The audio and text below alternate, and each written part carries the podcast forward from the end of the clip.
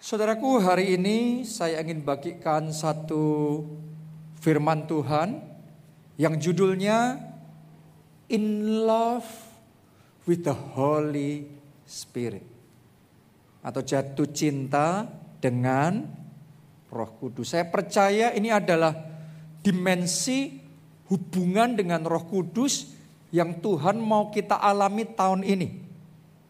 Bukan hanya kita cinta Tuhan, Bukan hanya kita percaya Tuhan ada, tapi kita sampai dalam satu kondisi kita falling in love with the Holy Spirit.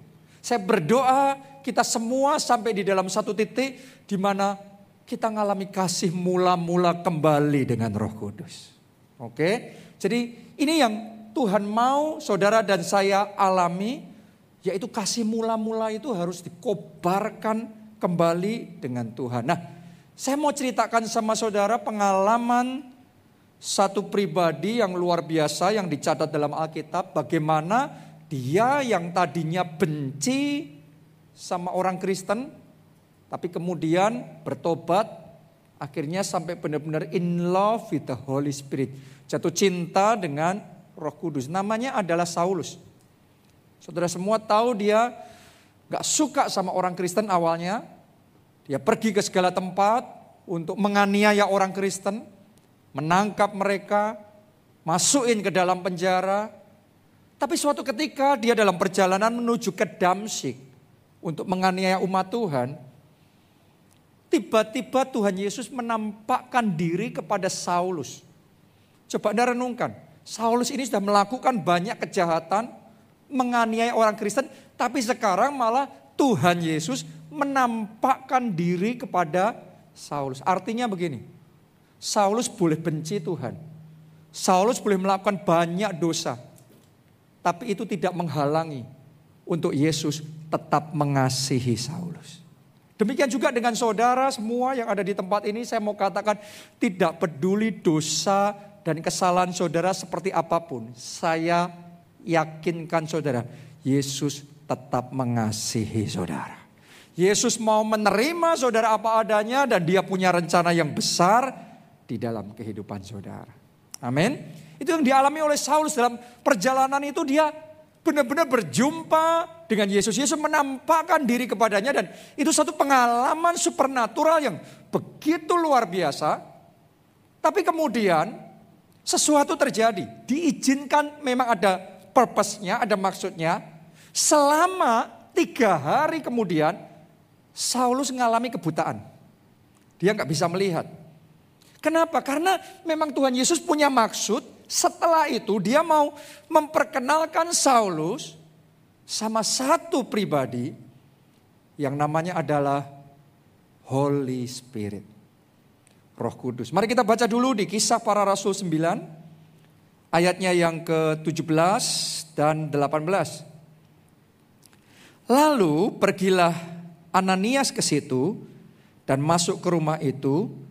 Ia menumpangkan tangannya ke atas Saulus, katanya, Saulus saudaraku, Tuhan Yesus yang telah menampakkan diri kepadamu di jalan yang engkau lalui, telah menyuruh aku kepadamu supaya engkau dapat melihat lagi dan penuh dengan Roh Kudus.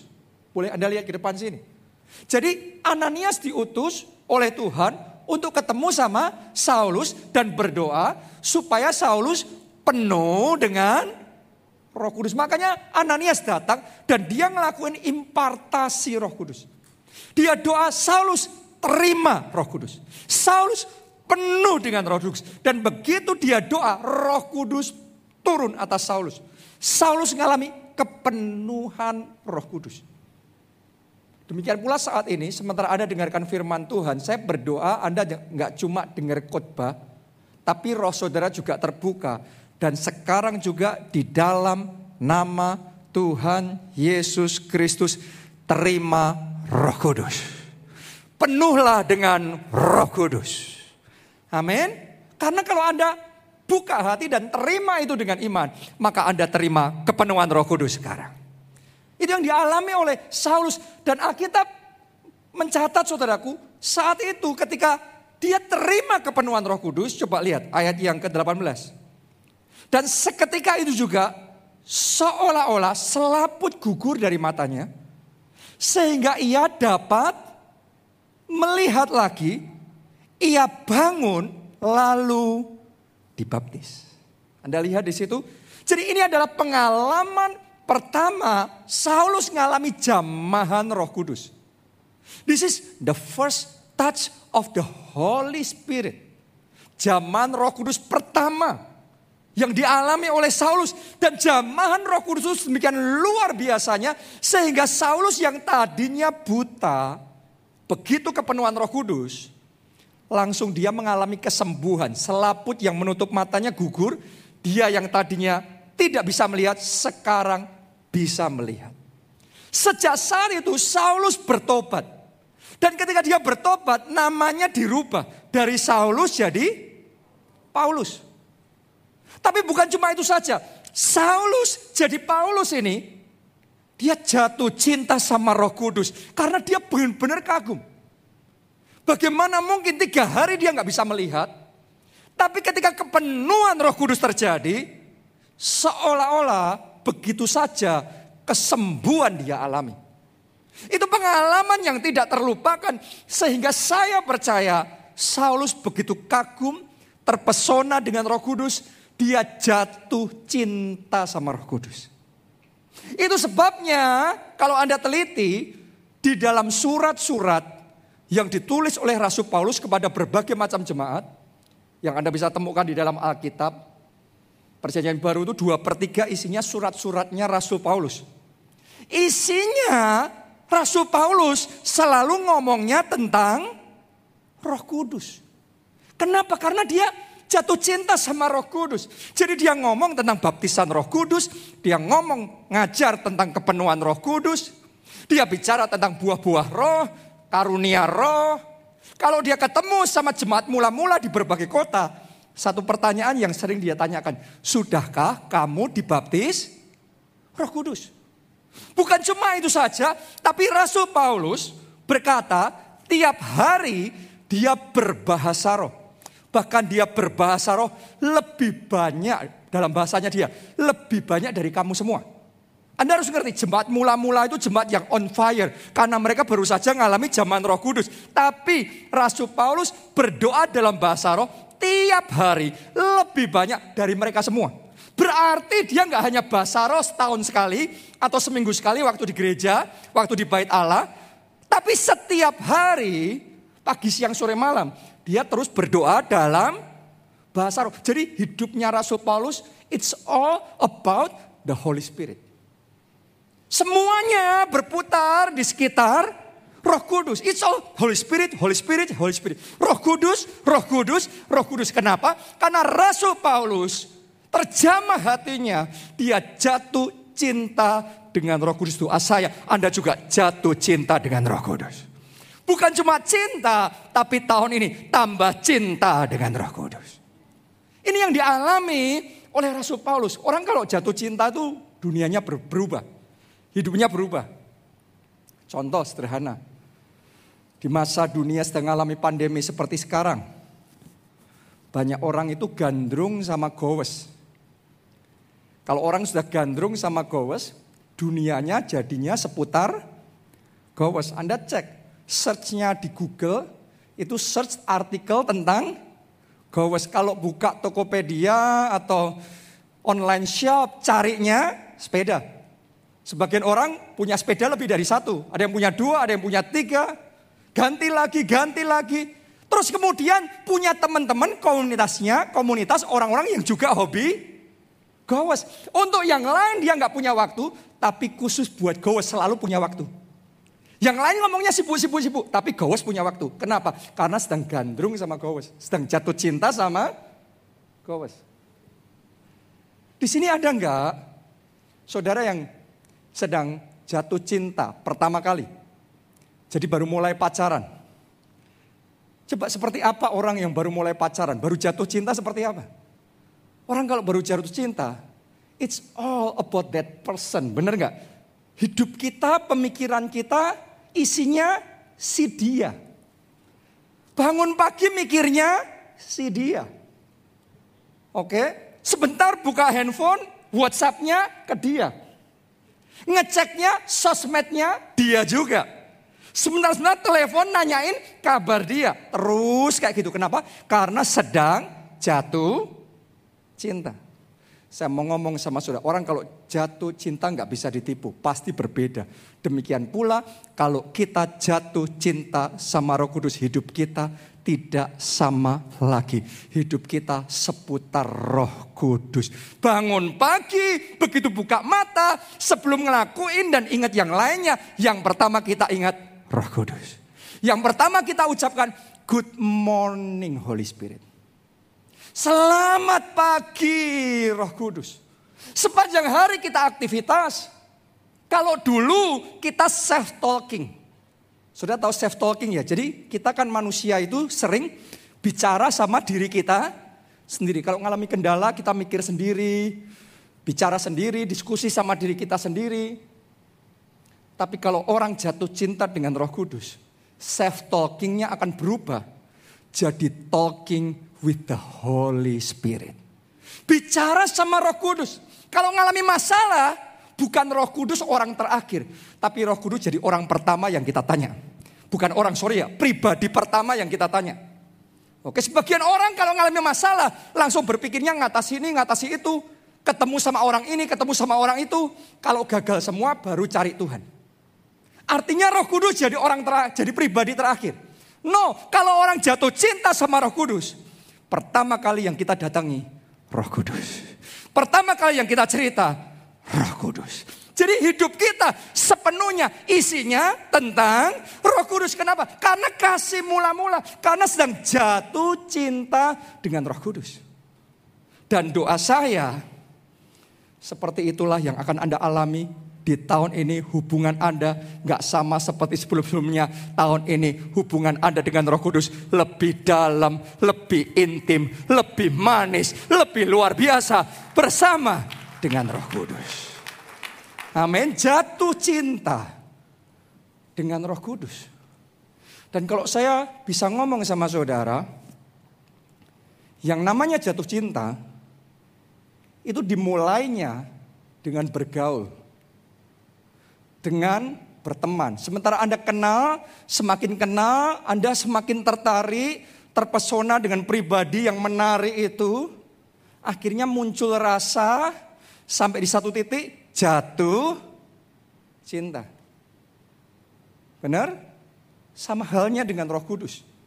Kalau saudara mau ngalami jatuh cinta dengan Roh Kudus, Anda mau ngalami kembali pada kasih mula-mula dengan Roh Kudus, saya mau ngomong sama saudara, semuanya dimulai dengan bergaul bersama Roh Kudus. Itu yang dialami oleh Henok. Kita baca dulu kejadian 5 ayat 22 sampai 23. Dan Henok hidup bergaul dengan Allah selama 300 tahun lagi setelah ia memperanakkan Metusaleh dan ia memperanakkan anak-anak lelaki dan perempuan, jadi Henok mencapai umur 365 tahun dan Henok hidup bergaul dengan Allah. Lalu ia tidak ada lagi sebab ia telah diangkat oleh Allah. Wow. Anda harus ngerti pada masa itu ini awal dunia manusia hidupnya masih ratusan tahun umurnya. Ya, jadi Anda jangan kaget membaca ayat tadi karena ini manusia zaman awal-awal dulu.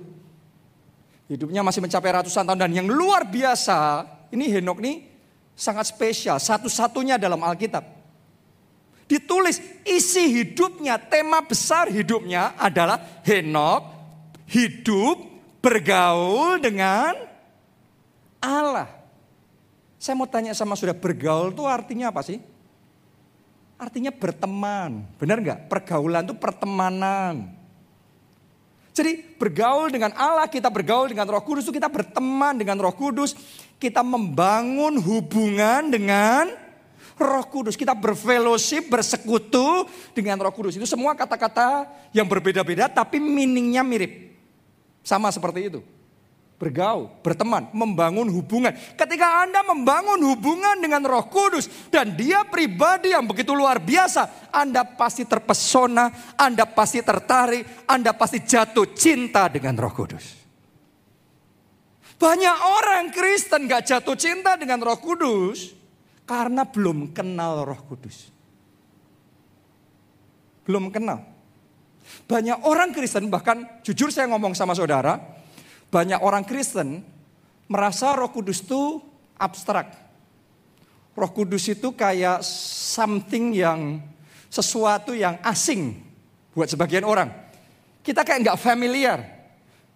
Beda sama Tuhan Yesus. Karena Tuhan Yesus 2000 tahun yang lalu turun ke dunia jadi apa? manusia. Benar nggak? Darah dan daging. Terus kemudian orang bisa lihat. Terus ditulis dalam Matius, Markus, Lukas, Yohanes.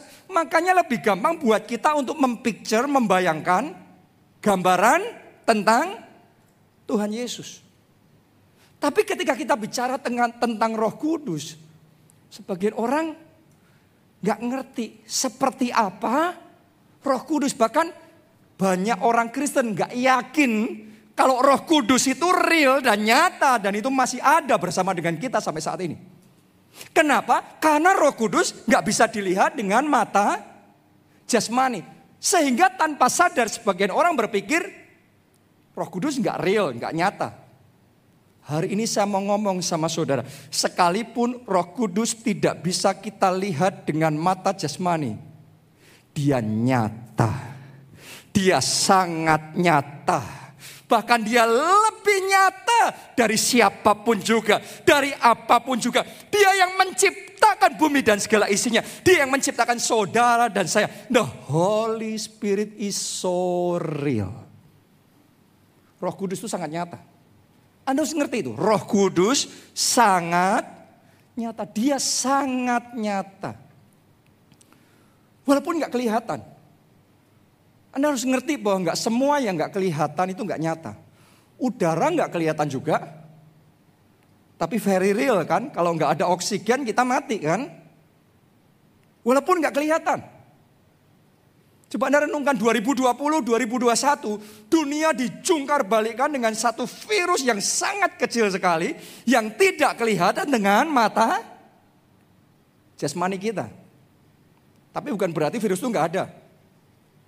Oke, jadi nggak semua yang nggak ada itu tidak real. Lebih dari semuanya, lebih dari apa pun, lebih dari siapa pun, Roh Kudus pribadi yang nyata dan saya yakinkan saudara dia hadir di tengah-tengah kita dan dia punya rencana yang besar. Dia mau kerjakan kuasanya dalam hidup saudara dan Anda akan mengalami perjumpaan pribadi dengan Roh Kudus. Tepuk tangannya boleh yang paling meriah buat Tuhan Yesus. Amin. Jadi jangan coba mengerdilkan roh kudus dengan pikiran kita yang bonsai. Yang kecil. Kalau orang berusaha memahami roh kudus dengan pikiran manusia akibatnya banyak kesalahpahaman. Sejak pertama roh kudus turun pada hari Pentakosta 2000 tahun yang lalu. Terus murid-murid Yesus kepenuhan roh kudus. Anda baca nggak di Alkitab? Orang-orang yang lihat murid-murid Yesus penuh roh kudus. Komentarnya apa? Wah ini orang-orang ini mabuk anggur ini. Jadi mereka kepenuhan roh kudus tapi dikomentari dianggap disalahpahami mabuk anggur. Sejak dari awal roh kudus turun sudah salah paham banyak orang. Makanya sampai hari ini banyak orang Kristen sendiri, nggak usah orang luar. Banyak orang Kristen sendiri kalau sudah bicara tentang roh kudus salah paham. Wah ini sesat ini. Wah ini apa-apaan ini. Kenapa? Karena roh kudus adalah spirit. Roh. Dan mata jasmani kita nggak bisa ngelihat. Tapi hari ini saya mau ngomong sama saudara, dia pribadi yang sangat nyata, dia ada bersama-sama dengan kita. Karena itu, belajar kenalah Roh Kudus. Bukan cuma belajar kenal Roh Kudus. Saya ajak saudara, mari bergaul dengan Roh Kudus. Seperti Henok, mari berteman dengan Roh Kudus. Bangun hubungan dengan Roh Kudus. Jangan menjauh. Oke, bersekutu intim dengan Roh Kudus, berfellowship dengan Roh Kudus. Saya percaya kalau tahun ini Anda komitmen membangun hubungan dengan Roh Kudus seperti Henok. Alkitab mencatat Henok bergaul dengan Allah dan karena itu dia nggak ngalami kematian, ia diangkat. Jadi Henok itu pribadi yang luar biasa sekali, ya, yang diangkat tanpa mengalami kematian langsung ke surga. Karena dia bergaul karib dengan Roh Kudus. Tolong dengarkan saya saudaraku, saya mau deklarasi profetik untuk hidup setiap orang di tempat ini yang komitmen bergaul dengan Roh Kudus maka tahun ini di dalam nama Tuhan Yesus promosi akan dia berikan kepada saudara. Anda akan diangkat Tuhan from glory to glory pada kemuliaan yang semakin besar. Katakan amin. Tepuk tangannya boleh yang paling meriah buat Tuhan kita. Kemuliaan besar, kemenangan besar, mujizat besar terjadi dalam hidup saudara. Seperti yang dialami Henok, seperti juga yang dialami oleh Rasul Paulus, begitu dia mengalami kepenuhan Roh Kudus, seketika kesembuhan terjadi. Saat ini juga terima kesembuhan saudara. Saat ini juga terima pemulihan keluarga saudara. Saat ini juga terima jawaban doa saudara. Amin. Semua karya Tuhan terjadinya bisa begitu aja. Anda berpikir saya ngelakuin seperti itu kayaknya biasa-biasa. Tapi Anda yang pekat dalam roh, Anda tahu Anda langsung amin. Aku percaya. Maka terjadilah seturut dengan imanmu. Cara kerja roh kudus itu tidak terbatas. Karena itu mari bergaul dengan roh kudus. Siapa di sini yang mau bergaul dengan roh kudus? Siapa yang mau berteman, siapa mau membangun hubungan lebih dekat dengan roh kudus? Semuanya? Semuanya? Pertanyaannya gimana caranya? Gimana caranya kita bergaul dengan Roh Kudus? Tolong dengarkan saya, saudaraku. Kuncinya, rahasianya adalah komunikasi. Dengerin saudaraku. The rise and the fall of relationship depends on the communication. Jadi hubungan itu baik apa malah rusak ditentukan oleh apa? Komunikasi. Kalau saudara bisa komunikasinya baik sama teman saudara, hubunganmu jadi baik. Pertemanan persahabatan saudara berkembang. Tapi kalau ngomongnya nggak nyambung, maka hubungan bisa rusak. Jadi komunikasi itu the lifeblood of the relationship. Komunikasi itu yang menentukan Apakah hubungan kita akan bertumbuh apa tidak? Demikian pula hubungan kita sama Tuhan ditentukan sama komunikasi kita. Saudara komunikasi nggak sama Tuhan. Saya mau tanya sama saudara, apakah hari ini saudara sudah komunikasi sama Tuhan? Komunikasi itu apa sih?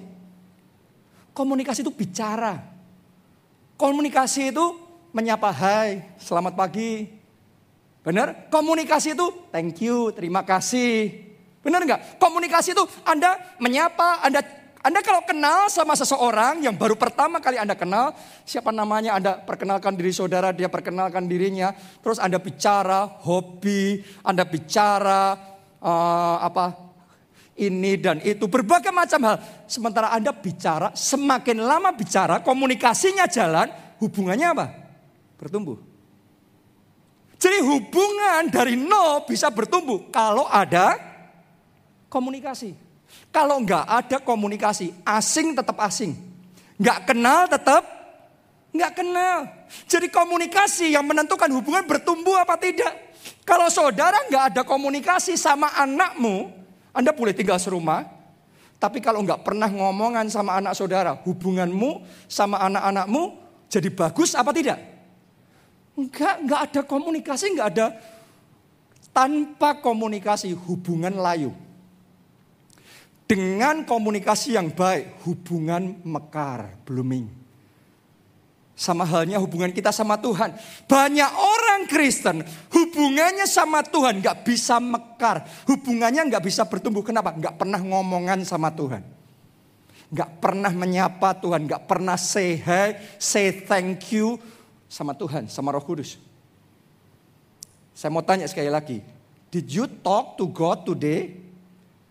Did you talk with God today? Apakah saudara sudah menyapa Tuhan hari ini? Sudah ngomong sesuatu sama Tuhan? Sudah ngucapin terima kasih sama Tuhan? Kalau saudara nggak pernah ngomongan sama Tuhan, bagaimana hubungan bisa bertumbuh? Nggak heran hubungan nggak bertumbuh. Bukan karena nggak bisa bertumbuh, karena nggak pernah ngomongan. Nggak pernah menyapa. Tapi kalau saudara ngomongan sama Tuhan, menyapa ada komunikasi mengalir, hubunganmu bertumbuh. Kalau engkau ngomong, oh selamat pagi, saudara sopan, gak cuma diemin aja. Orang lewat terus ada diemin aja. Loh, kok kayak gitu? Kadang-kadang kan kita lihat ada orang kok cuek banget sama kita, kita menyapa didiemin. Kadang-kadang roh kudus berbisik di hati kita, kita diemin. Kita nggak sadar. Ayo mulai hari ini saya ajak saudara setiap pagi bangun, say this. Good morning Holy Spirit. Selamat pagi Roh Kudus. Terima kasih Roh Kudus malam hari engkau berikan tidur nyenyak. Thank you Holy Spirit. I miss you Holy. Aku rindu engkau Roh Kudus. Oh aku mau menyembah engkau. Aku mau memuji engkau. Tahukah saudara, pujian membuat hubungan jadi indah. Saya mau tanya sama saudara, Anda suka teman yang terus ngeritik saudara atau teman yang bisa memuji saudara? Ketika kita dipuji, perasaan kita happy. Seperti itu perasaan Roh Kudus ketika dipuji. Makanya orang yang suka memuji Tuhan dalam hidupnya nggak akan kehabisan anugerah, kasih karunia, jawaban doa. Kalau Anda tahu bagaimana menyentuh dan menyukakan hati Tuhan. Saya mau katakan hubunganmu mekar sama Tuhan. Anda tidak pernah kekurangan berkat-berkatnya selalu melimpah dalam hidup saudara. Baliknya lagi adalah komunikasi. Kalau sama pasanganmu kok nggak pernah muji isinya mencela terus atau dicuekin terus. Sama suami istri yang suka memuji satu dengan yang lain. Suka ngomong I love you. Saya yakin suami istri yang sekian tahun menikah masih romantis. Karena tiap hari terus ngomong I love you. Nggak berpikir, kan saya pernah ngomong I love you 17 tahun yang lalu. Anda boleh berpikir gitu, kalau nggak diulangi tiap hari, pasti cintanya layu. Kasihnya kering. Saya yakinkan itu. Tidak ada komunikasi cinta-cintaan, pasti cintanya layu. Anda mungkin berpikir itu kanak-kanak. Bukan kekanak-kanan itu adalah sifat hubungan dimekarkan atau dilayukan, ditentukan oleh komunikasi. Jadi belajar kalau Anda mengalami hal yang baik. Say thank you Holy Spirit. Jangan diam aja. Kalau punya masalah minta tolong, minta tolong sama Tuhan. Kalau ngalami yang baik didiemin aja Tuhan. Gimana sih? Jadi mulai hari ini sadari sepanjang hari kita hidup itu opportunity kesempatan kita bicara sama Tuhan. Kita bertanya sama Tuhan. Kita ngomong terima kasih Tuhan. Kita ngomong, kita memuji Tuhan. Kita menyembah Tuhan. Kalau Anda lakukan komunikasi yang seperti itu, saya jamin tahun ini hubunganmu dengan Roh Kudus akan dibawa masuk ke dimensi yang berbeda yang belum pernah Anda alami sebelumnya dan kasih Tuhan, kasih karunia-Nya akan dimanifestasikan, dinyatakan dengan limpah di dalam hidup saudara. Jadi mulai bergaul, dimulai dengan berkomunikasi, bicara, bertanya, jadi setting diri saudara mulai ngomong sama roh kudus. Mulai ngomong aja. Anything. Apa pun. Mulai ngomong dulu. Jangan diemin. Kalau diemin dia tidur. Kayak murid-murid Yesus. Di perahu sama Yesus diemin Yesus tidur. Makanya ada badai datang. Taufan datang. Kenapa Yesus dicuekin? Setelah datang kita panik lagi Tuhan, Tuhan, Tuhan, Tuhan, Tuhan. Yesus jadi yang terakhir. Banyak orang kayak gitu. Mulai hari ini roh kudus jadi yang pertama. Roh kudus jadi yang terutama. Roh kudus nomor satu di dalam hidup saudara. Berkomunikasi. Yeremia 29 ayat 12 sampai 14a. Dan apabila kamu berseru dan datang untuk berdoa kepadaku, maka aku akan mendengarkan kamu. Jadi harus berseru. Berdoa itu ngomong sama Tuhan berseru. Tuhan akan mendengarkan. Kalau saudara nggak pernah berseru gimana? Nggak ada komunikasi. Ayat 13. Apabila kamu mencari aku, kamu akan menemukan aku. Apabila, tolong perhatikan ya, ini saya mau buat poin yang penting di sini. Apabila kamu menanyakan aku dengan apa? Dengan apa? Segenap hati. Ayat 14. Aku akan memberi kamu menemukan aku. Demikianlah firman Tuhan. Siapa mau ketemu Tuhan? Siapa mau mengalami perjumpaan pribadi dengan Tuhan? Dia berjanji apabila kamu menanyakan aku dengan segenap hati. Maka Anda ketemu Tuhan. Wow. Anda harus ngerti bedanya doa yang asal ngomong, cuma di mulut, atau hafalan saja, dibandingkan doa dari hati. Bukan cuma dari hati, dengan segenap hati. Itu nyampe nya sama Tuhan beda. Anda kalau cuma doa hafalan-hafalan, cuma doa di mulut saja, pikiran mengembara di mana-mana. Bisa nggak orang menyanyi, terus mulutnya masih nyanyi tapi pikirannya mengembara ke mana-mana. Hatinya nggak ngerasain apa pun. Bisa nggak? Sangat bisa. Kita jadi kayak robot. Saya mau ngomong sama sudah doa dan pujian yang seperti itu, Mau diulangi seribu kali pun nggak nyampe sama Roh Kudus. Kenapa? Karena bukan dari hati. Makanya kalau doa harus dari hati. Dengan segenap hati. Kalau hati kita ngerasa, baru itu sampai di hati Tuhan. Itu patokannya. Kalau saudara memuji Tuhannya, engkau nggak kerasa di hati aja hambar. Gimana nyampe di, itu, di hati Tuhan? Jadi kalau pujian penyembahanmu sampai kerasa dari hati, itu sampai di Roh Kudus. Itu yang saya sebut heartfelt prayers. Doa dengan segenap hati, sampai kerasa di hati. Heartfelt praises and worship. Puji-pujian, penyembahan yang yang dari hati, yang mengalir, meluap keluar dari hati. Tuhan ngomong, apabila kamu menanyakan aku dengan segenap hati, Aku akan memberi kamu menemukan aku. Anda mau ketemu presiden nggak segampang itu loh. Benar nggak? Protokolnya banyak. Tapi Tuhan, presiden di atas segala presiden. Raja di atas segala raja. Tuhan di atas segala Tuhan. Dia kasih janji sama kita. Kamu menanyakan aku dengan segenap hati. Aku akan memberi kamu ketemu aku. Wow. Saya tahu ada orang-orang di tempat ini bulan ini, bahkan sepanjang tahun ini, Anda mengalami perjumpaan pribadi dengan Tuhan. Jamahan luar biasa roh kudus. Dan Anda semakin jatuh cinta dengan roh kudus. Amin. Haleluya. Doa saya, Anda bukan cuma in love, falling in love with the Holy Spirit. Tapi doa saya, saudara juga staying in love with the Holy Spirit. Anda bukan cuma jatuh cinta sama Roh Kudus, tapi saudara tambah cinta. Terus cinta.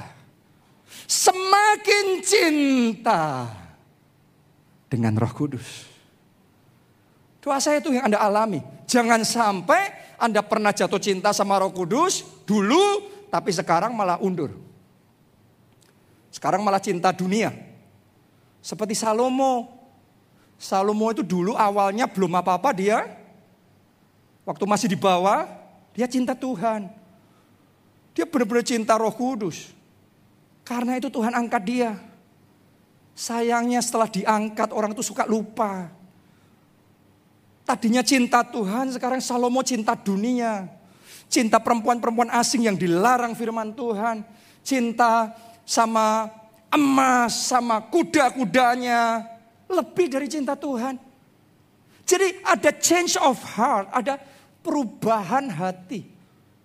Oh saya berdoa, saudara enggak seperti Salom. Jangan sampai hati kita yang cinta Tuhan berubah jadi cinta dunia.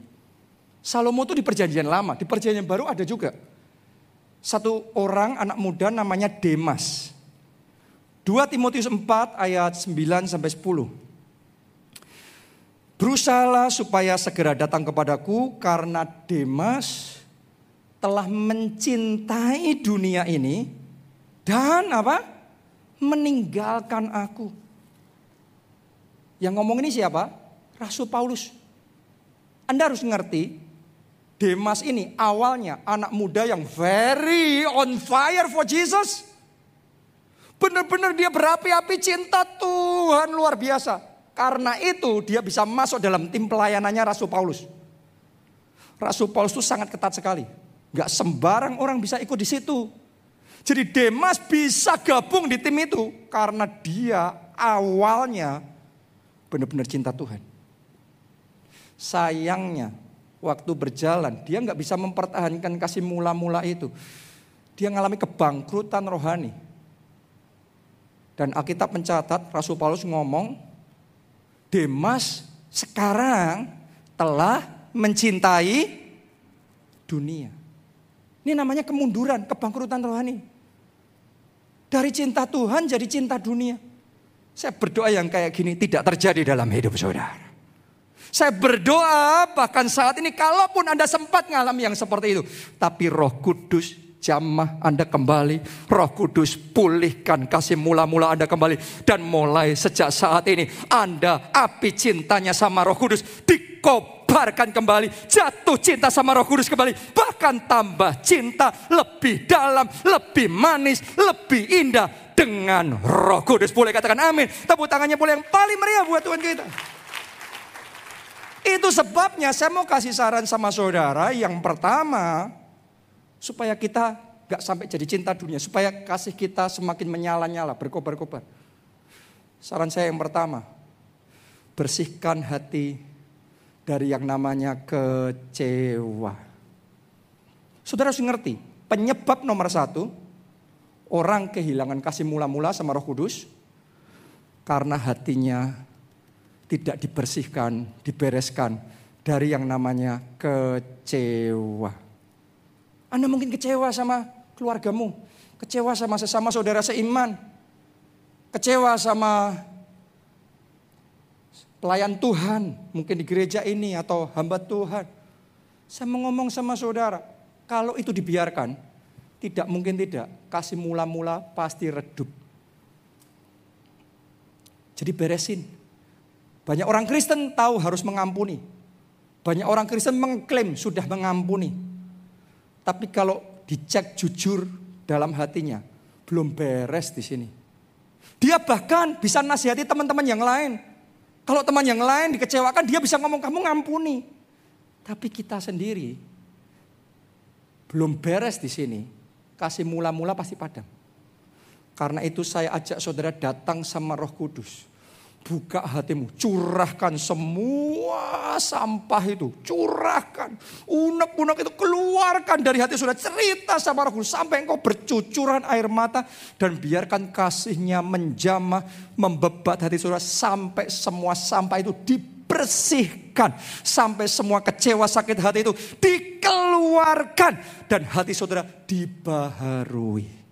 Begitu kecewamu hilang, saya yakinkan saudara, kasih mula-mulamu akan dipulihkan dan dikobarkan kembali. Anda akan jatuh cinta kembali dengan roh kudus. Katakan amin. Tepuk tangannya yang meriah buat Tuhan kita.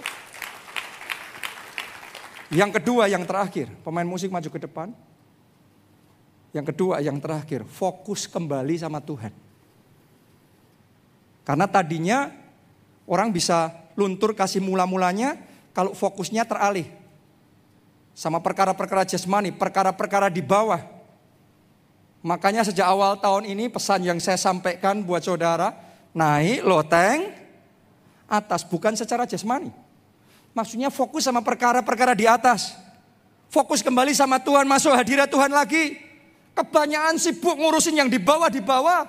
Ya sibuk itu penting dan berguna harus dilakukan. Tapi jangan sampai lupa yang terutama nomor satu adalah roh kudus. Anda harus mengakui Anda boleh sibuk semua yang Anda anggap penting. Tapi kalau tidak disertai roh kudus, mana kesibukanmu buahnya apa? Akhirnya kita juga bisa kecewa sama diri kita sendiri. Kita sudah usahanya begitu banyak tapi nggak ada buahnya. Saya mau ngomong sama saudara, kalau engkau belajar mengutamakan roh kudus, fokus kembali sama roh kudus. dia tidak akan pernah mengecewakan saudara. Engkau senangkan hati roh kudus. Satu saja pintu dia buka. Saudara akan mengalami lompatan 10 tahun, 20 tahun, 30 tahun ke depan. Terjadi dengan dahsyat melebihi yang Anda pikirkan dan bayangkan. Tuhan kerjakan dalam hidup saudara. Anda percaya? Siapa yang mengalami itu? In love with the Holy Spirit. Mari bangkit berdiri, bangkit berdiri menyenangkanmu.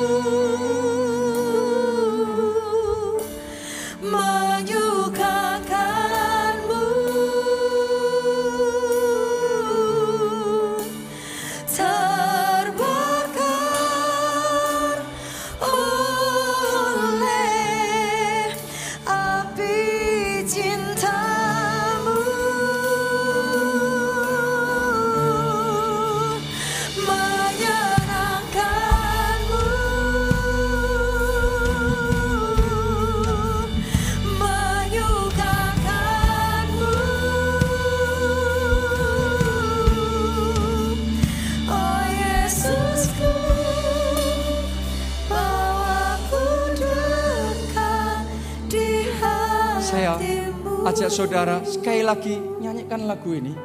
Tapi kali ini worship from the heart. Lagu dari hati. Pujian dari hati. Jangan cuma di mulut menyenangkanmu, menyukakanmu. It's nothing.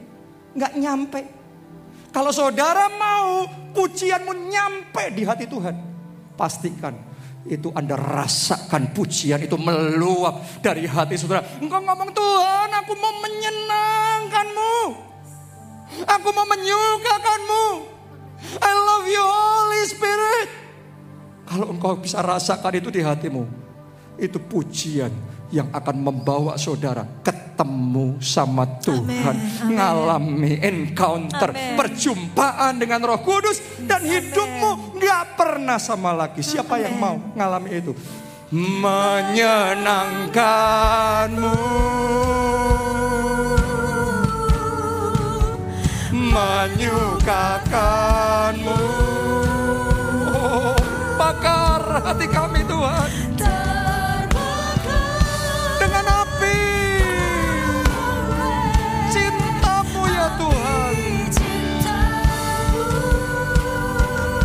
semuanya katakan menyenangkanmu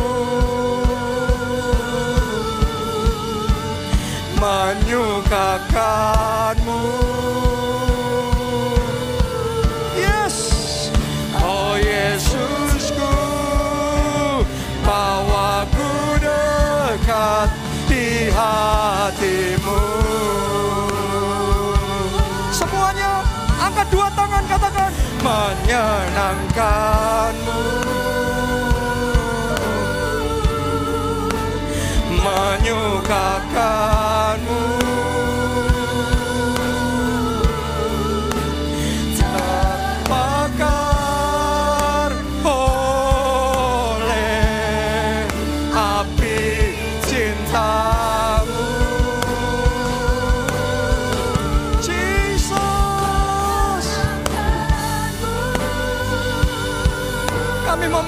menyenangkanmu Tuhan. Kami mau menyukakanmu ya Roh Kudus. Oh Yesusku, bawaku dekat di hatimu. Saya rasakan dia hadir kuat sekali di tengah-tengah kita. Dan memang kerinduan hatinya. Tahun ini saudara masuk dalam satu dimensi hubungan in love with the Holy Spirit. Sampai jatuh cinta dengan Roh Kudus, kasih mula-mulamu berkobar.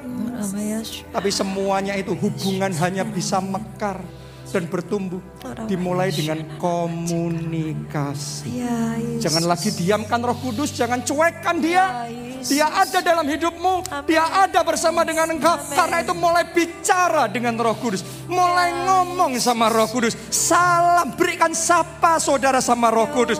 Ucapkan terima kasih sama Roh Kudus.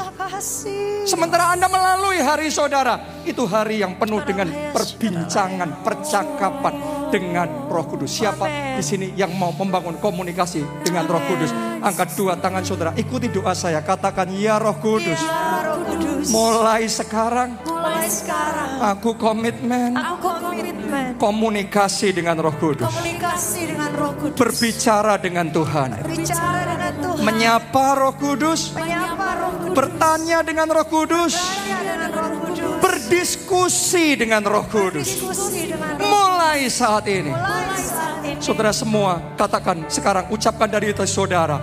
I love you Holy Spirit. I need you Holy Spirit.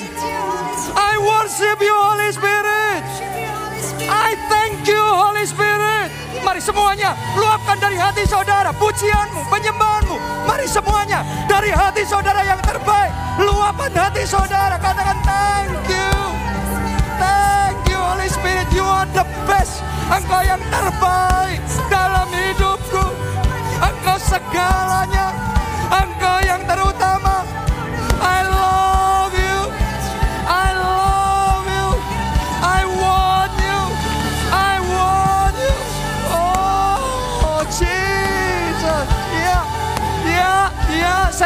Rasakan dia disukakan.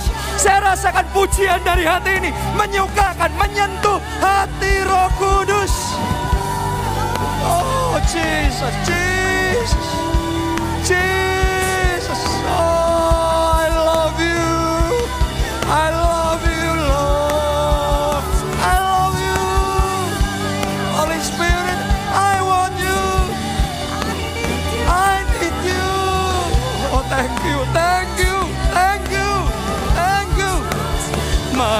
Menyenangkanmu.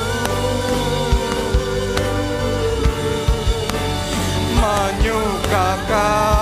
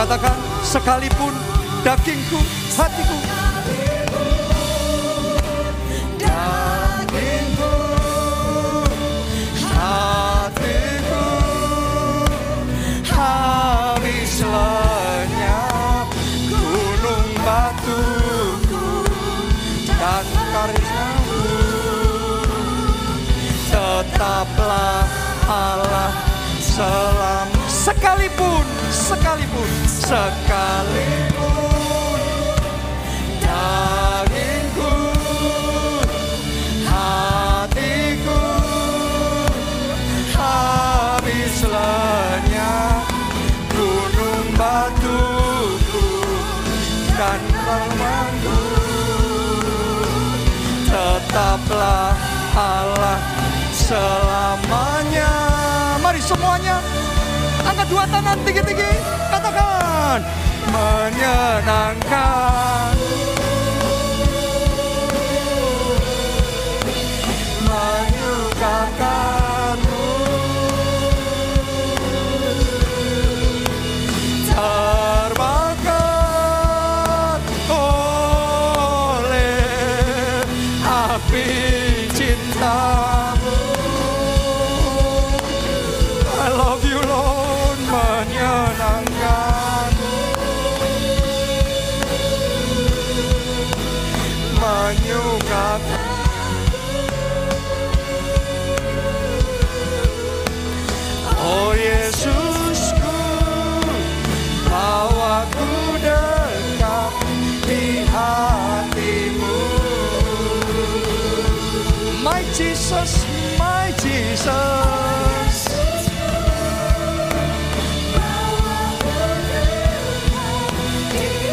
One last time, say it together.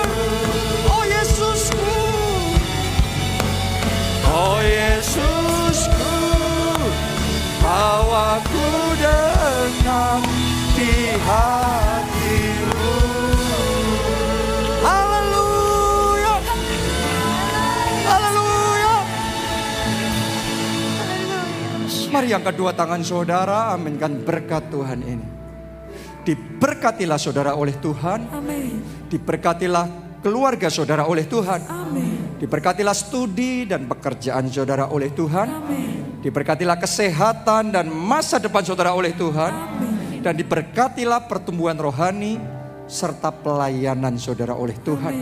Sehingga melalui hidupmu yang lemah dikuatkan, Amin. yang sakit disembuhkan, Amin. jiwa-jiwa yang terhilang diselamatkan. Dalam anugerah Allah Bapa, cinta kasih Yesus Kristus, dan persekutuan dengan Roh Kudus sekarang sampai selama-lamanya. Mari bersama-sama kita katakan, Amin.